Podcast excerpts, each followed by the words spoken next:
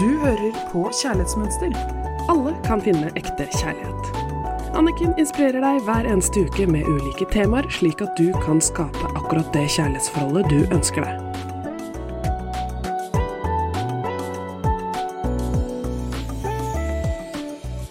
Hei og hjertelig velkommen til Kjærlighetsmønster med Anniken Lien Mathisen.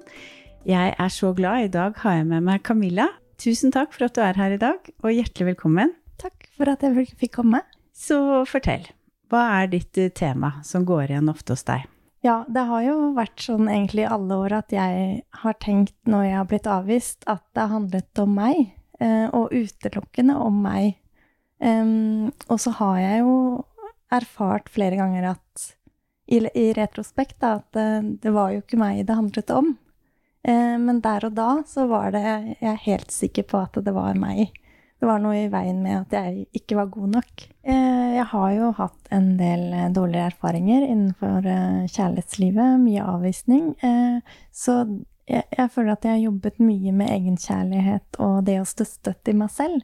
Eh, men dette som kanskje gjenstår nå, er å ha tillit til at jeg kan oppnå den store kjærligheten, da. Og det som er riktig for meg. Og det er det som er vondt. Når man blir avvist, så trigges jo gamle sår. Mm. Og så finner man jo ofte ut, som du da sa, nå har vi jobbet sammen på kurset Kjærlighetsmønster og gått igjennom en del av den følelsen hva er det som ligger bak når jeg blir trigget? Og da er det jo veldig ofte at den personen har ikke avvist, som du nå fortalte, fordi at det som skjedde, var at jeg så det med min gamle programmering. Og mm. en av dine erfaringer fra du var liten, var jo avvisning. Ja. Så møter vi et menneske, og så ser vi ikke egentlig hva som skjer. Vi ser at dette mennesket kanskje ikke passer for oss, at vi er helt ulike. For det eneste jeg ser, er at dette mennesket må ikke avvise meg, for da er ikke jeg bra nok. Ja, det er helt riktig. Og, og det er jo Jeg syns det var så fint det du sa, at uh, andres ord og handlinger, eller f.eks. avvisningen, da, ikke definerer min verdi. For jeg har jo vært ytrestyrt og lagt min verdi i andre, da. Hva de syns om meg, og ja, måten de behandler meg på. Ja.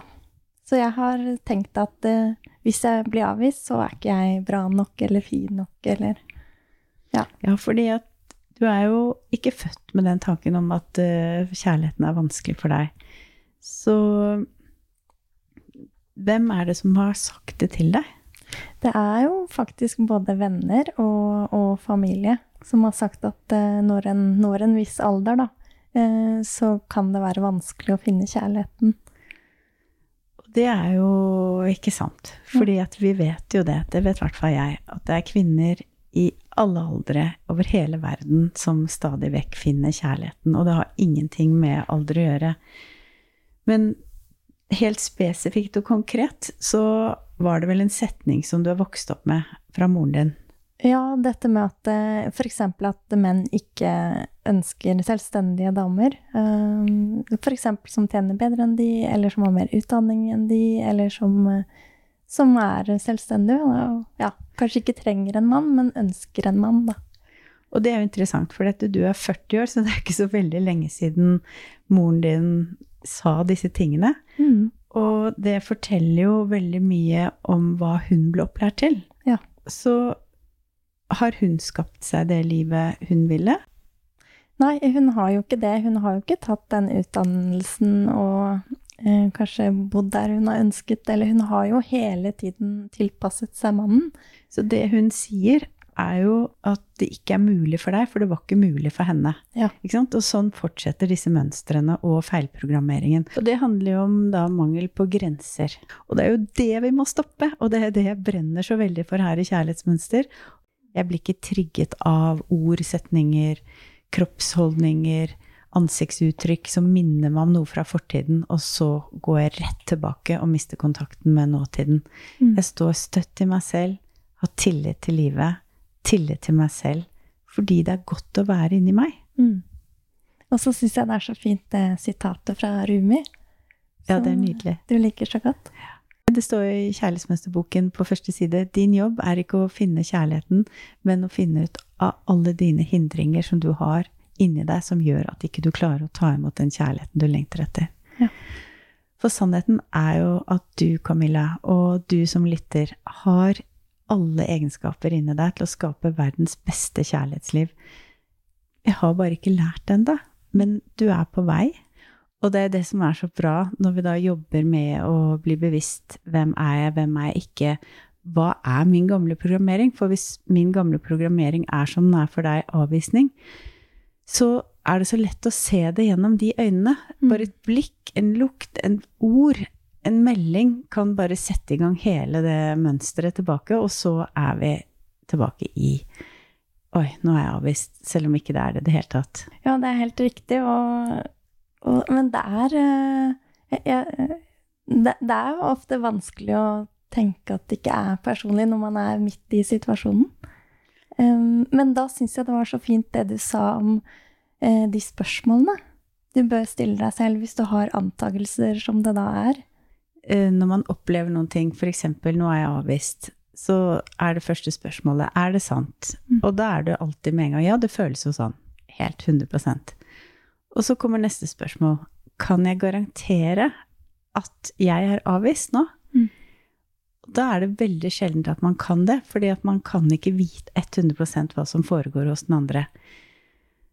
Så da blir jo svaret nei, det kan jeg ikke garantere. Og så kommer neste spørsmål, nummer tre. Hvordan føles det å gå rundt med den tanken på at jeg er avvist? Ja, det er jo ikke noe god følelse. Man føler seg jo ikke bra nok. Det føles vondt, Ja. og det er ofte en tung følelse. Mm. Hvor pleier det å sitte i kroppen hos deg? Kanskje hjertet? Gjør det deg glad? Gjør det deg trist? Nedstemt? Hvem ville du vært, og hvordan ville det føltes hvis du aldri tenkte den tanken at du var avvist? Veldig bra. Hva er det motsatte av den tanken, altså for deg 'jeg er avvist'? Jeg er god nok, eller jeg er verdt å elske. Bra. Jeg er Mm. verdifull. Jeg er Mm. god nok. Jeg er verdt å elske. Nydelig. Hvordan kjennes det i kroppen? Veldig bra. Herlig. Og det er jo et valg hvis man har et koldtbord. Hva går du og forsyner deg da av mat? Tar du, hvis det er to koldtbord, den ene har nydelig fersk mat, den andre har råtten, dårlig mat, hvor går du og serverer deg selv? Den ferske. Ferske og gode. Og det er så interessant, for hvorfor gjør du det? Fordi det er det som er sunt og innbydende. Og fordi du har lært det. Ikke sant? Du vokste opp med noenlunde sunn og frisk mat på bordet i kjøleskapet. Når dere gikk og handlet når du var liten, så så du at det plukket noenlunde fine epler, tomater, ferskt brød. Man kan jo forestille seg å ha vokst opp et annet sted i verden hvor det ikke var Mm. mulig å få tilgang på det, for man hadde ikke mulighet til det. Ja. Og da ville det jo ikke vært naturlig, ikke sant? Mens når du kommer da til tanker om deg selv, når du møter en person som du er interessert i, så har du på den ene siden så har du 'jeg er avvist', 'jeg er ikke bra nok'. På den andre buffeen så har du 'jeg er god nok', 'jeg er verdifull', 'jeg er verdt å elske'. Mm. Så hvilken går du automatisk til? Ja, det var jo den første. Ja. Som jeg, ja. Ikke sant? Og, men nå går du jo til den siste. Mm. Jeg velger i hvert fall å stoppe opp og stille meg de spørsmålene. Og jeg tror ikke det var før jeg stilte de spørsmålene, og også spurte flere jeg hadde møtt tidligere, hva som egentlig skjedde. At jeg forsto dette. Og er det ikke interessant da, når du begynte å erfare at du har et valg? Ja. Ikke sant? Og det er det vi må huske på, fordi at når den følelsen kommer av at nå blir jeg utrygg, jeg føler meg avvist, jeg føler meg ikke bra nok, Mm. så føler vi jo at det er hele sannheten. Men Ja. det å stoppe opp, som vi da har jobbet med i kjærlighetsmønster, og vite at jeg har et valg, Mm. Og at du trenger ikke å gå rett til den siden. Du kan stoppe opp, stille deg selv de spørsmålene, og velge den delen av det som tror og kjenner at det er helt rett. At Ja. jeg er elskbar, jeg er verdifull, jeg er bra nok akkurat som jeg er. Mm. Og det er det som er spennende, for når vi jobber med den trygge delen og den utrygge delen, så svarer jo de helt forskjellige ting. Ja, jeg har jo egentlig ubevisst vært i mønsteret i alle år, og har trodd at det har vært meg, og har vært i den utrygge delen. Men det var jo ikke før jeg lærte at eh, når jeg er i den trygge delen, så er jeg det autentiske meg, da. Og da tenker du helt andre tanker. Ja. For å ta det første spørsmålet, da. Og så sa du at du hadde spurt noen av dine ekser. Ja. Eh, den første jeg var veldig forelsket i, når jeg var, ja, det var vel i starten av 20-årene, da. Det var kanskje det eksempelet som jeg tenker mest på. Men og det som skjedde der, var jo at vi var jo på date, og vi var på turer sammen, og det virka som det gikk veldig bra. Og de rundt oss var også veldig støttet dette tilsynelatende denne relasjonen. Jeg fortalte han at jeg var veldig forelsket i han, og da avviste han meg med å bare gå. Eh, og da snakket ikke han til meg etter det. Eh, men fem år etterpå så fant jeg ut at han var homofil. Og det er jo flott, det, men da var jeg 100% overbevist om at det handlet om meg alle disse fem årene.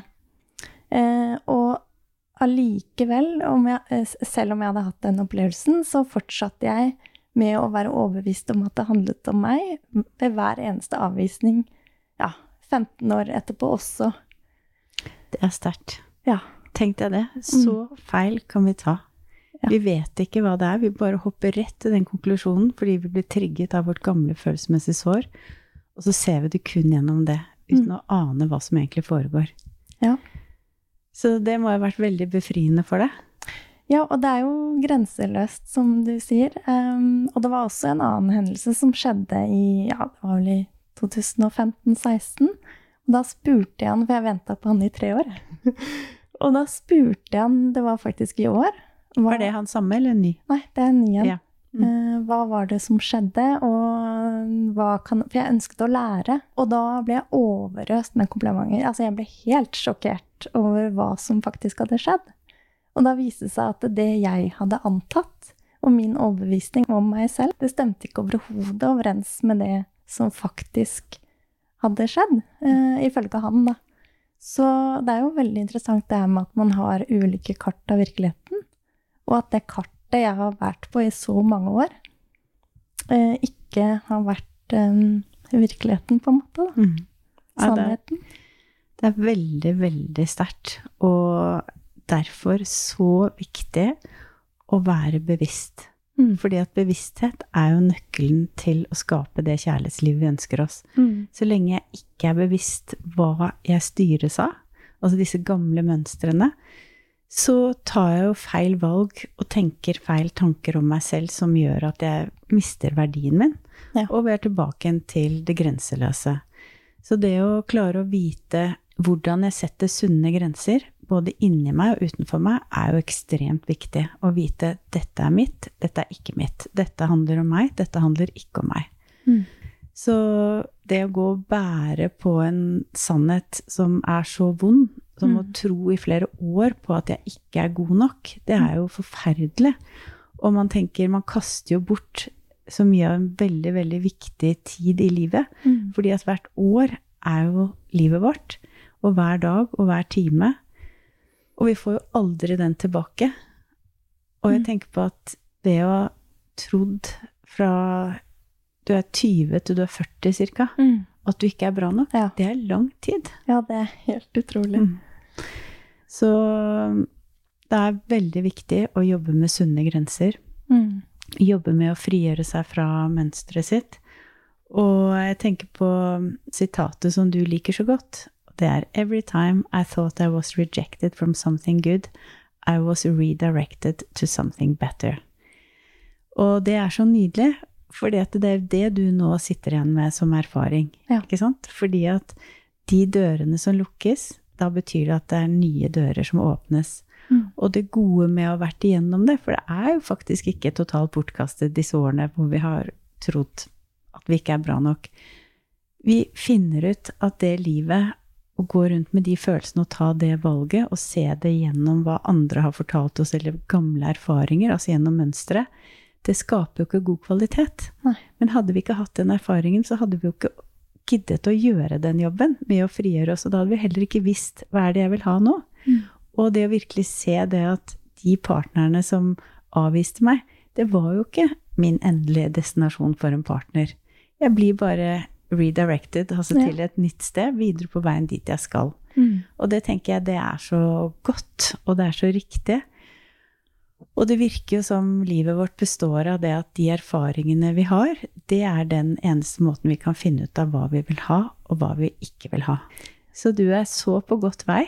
Jeg føler meg jo mye tryggere, og jeg trives bedre i eget selskap. Og, og det Jeg ønsker jo fortsatt å møte en partner, men det er, det er en helt annen energi, føler jeg, eh, i forhold til Det er liksom ikke noe craving. Det er bare mer sånn uh, at det kunne vært en added value da, i livet. Det er veldig bra, for du sier det er ikke noe craving, og det handler jo om at du før puttet verdien din utenfor deg selv. Det var noen andre som måtte velge deg for at du skulle føle deg verdifull. Ja. Og det er klart at da kjenner man en viss avhengighet til å måtte være sammen med noen og treffe noen. Mm. Mens nå vet du at du er verdifull. Du har frigjort deg fra det gamle mønsteret og feillæringer. Mm. Og derfor så kan du ha det godt i deg selv. Mm. Ja, og så har jeg tenkt over at det er jo ikke alltid faktisk at man vet selv hva som er best for en. Det er helt riktig. I hvert fall ikke når du er i gammel programmering. Mm. For da er du i den delen av deg som er utrygg og feillært. Mm. Da putter du veldig ofte verdien din utenfor deg selv. Mens når du er i den trygge delen, i Camilla, den som vet at hun er verdifull og mer enn bra nok, da vet du jo hva du vil ha. Mm. Og jeg tenker på når vi jobber med verdiene, er det jo veldig ofte når jeg har workshop og jobber med kvinner og har jobbet med deg, så er det hvem er jeg? Ikke sant? Jeg vet ikke hva jeg vil ha. Mm. Jo, da ser vi på verdiene. Så kan du se. Jo, jeg, Camilla, jeg er en kvinne på 40 år. Jeg vet at jeg vil bli elsket og verdsatt for den jeg er. Jeg vet at jeg vil bli respektert. Jeg vet at jeg vil ha det trygt. Jeg vet at jeg vil ha glede. Jeg vet at jeg vil leve i lidenskap. Og jeg vet at jeg vil ha tillit og åpenhet. Mm. Ja, og så når man er på date, så tenker man jo ofte, eller i hvert fall jeg har tenkt, uh, hva tenker han om meg? Hva syns han om meg? Men det er som du har sagt tidligere, at uh, det er jo enda viktigere føler, hvordan får han meg til å føle meg, og hvordan møter han meg på mine verdier, da? Det er så viktig, og hvordan klarer jeg å møte meg på mine verdier i møte med han? Så det å stå støtt i seg selv, og begynne med det allerede på første date, er jo skikkelig viktig. Kjenn etter hvem er jeg, hvem er jeg ikke? Hvordan er han? Mm. Ikke sant? Og så ta trygge valg, stå i den trygge delen i deg selv. Og så er det jo også det at hva slags partner blir man når man er så trengende? Ja. Hvordan er det å være sammen med et menneske som du skal vise hele tiden, hver dag, du er bra nok, du er verdifull. Det er utrolig slitsomt. Mm. Så vi har jo ikke lyst på en sånn partner, men da kan vi heller ikke være den partneren selv. Nei, og så er det jo også det å, å være autentisk, som du har vært inne på tidligere, at, eh, at man må jo møte opp og være seg selv. Jeg tror mange som er på date, ikke egentlig er helt seg selv, da. Man spiller kanskje en rolle eller er eh, Ja. Jeg tror det veldig, veldig ofte, så det er jo det samme som du har erfart, og jeg også. Det er jo det at man er så veldig opptatt av å bli likt, Ja. og er da villig til å miste seg selv helt bare for å få bekreftelse og kjenne at man er verdifull, og at noen vil ha en. Mm. Men da er det jo til slutt ingen hjemme. Så hvis man da blir avvist, da, eller den personen ikke velger å gå videre, så er det jo også ofte fordi at det er ikke du som har vært der. Mm. Det har vært en rolle, en, en gammel programmering, en, du er på autopilot på en måte fra Ja. fortiden. Og det er jo ikke det samme som å være sammen med vakre Camilla som sitter der og er 100 til stede og skinner din egen energi. Mm. Alt faller liksom litt på plass når Ja. man gjør dette arbeidet og ser hvorfor har jeg blitt avvist, og at avvisningen skjer inni meg. Ja. Mine relasjoner skjer gjennom meg. Når jeg slutter å avvise meg selv, Mm. og er til stede 100 i meg, så blir jeg ikke lenger avvist. For jeg har ikke på meg de brillene, og jeg viser opp og står frem i verden og i møte med andre mennesker på en helt annen måte. Mm. Så de ser jo plutselig Camilla. Mm. Ja. Og jeg tror jeg nå har sluttet å tolke det eh, på feil måte. I hvert fall, jeg liker veldig godt det sitatet 'rejection is redirection or protection'. For det kan hende at hvis man ble avvist, at det faktisk var bra for en. Absolutt. Jeg så jo ikke hvem jeg hadde foran meg. Nei. Jeg var bare opptatt av å ikke bli avvist og føle meg bra nok. Mm. Så det sto i veien for å virkelig se hvem som jeg datet eller var i et forhold med. Mm. Og da klarte jeg jo ikke å se at dette mennesket passer jo ikke for meg, for det eneste jeg var opptatt av, var ikke avvis meg, er jeg bra nok? Mm. Veldig, veldig fint å ha deg her i studio. Takk, Camilla, for at du kom hit i dag, og at du denne måneden tar opp viktige temaer for deg, for det vet jeg angår veldig mange. Jeg jobber jo med hundrevis av kvinner. Dette her er gjennomgående temaer. Setter utrolig pris på at uh, du stiller opp og deler. Takk for det. Da ønsker vi dere alle sammen en riktig god helg. Du hørte akkurat podkasten Kjærlighetsmønster. Hvis du vil ha flere tips og triks, gå inn på kjærlighetsmønster.no, eller følg Kjærlighetsmønster på Instagram.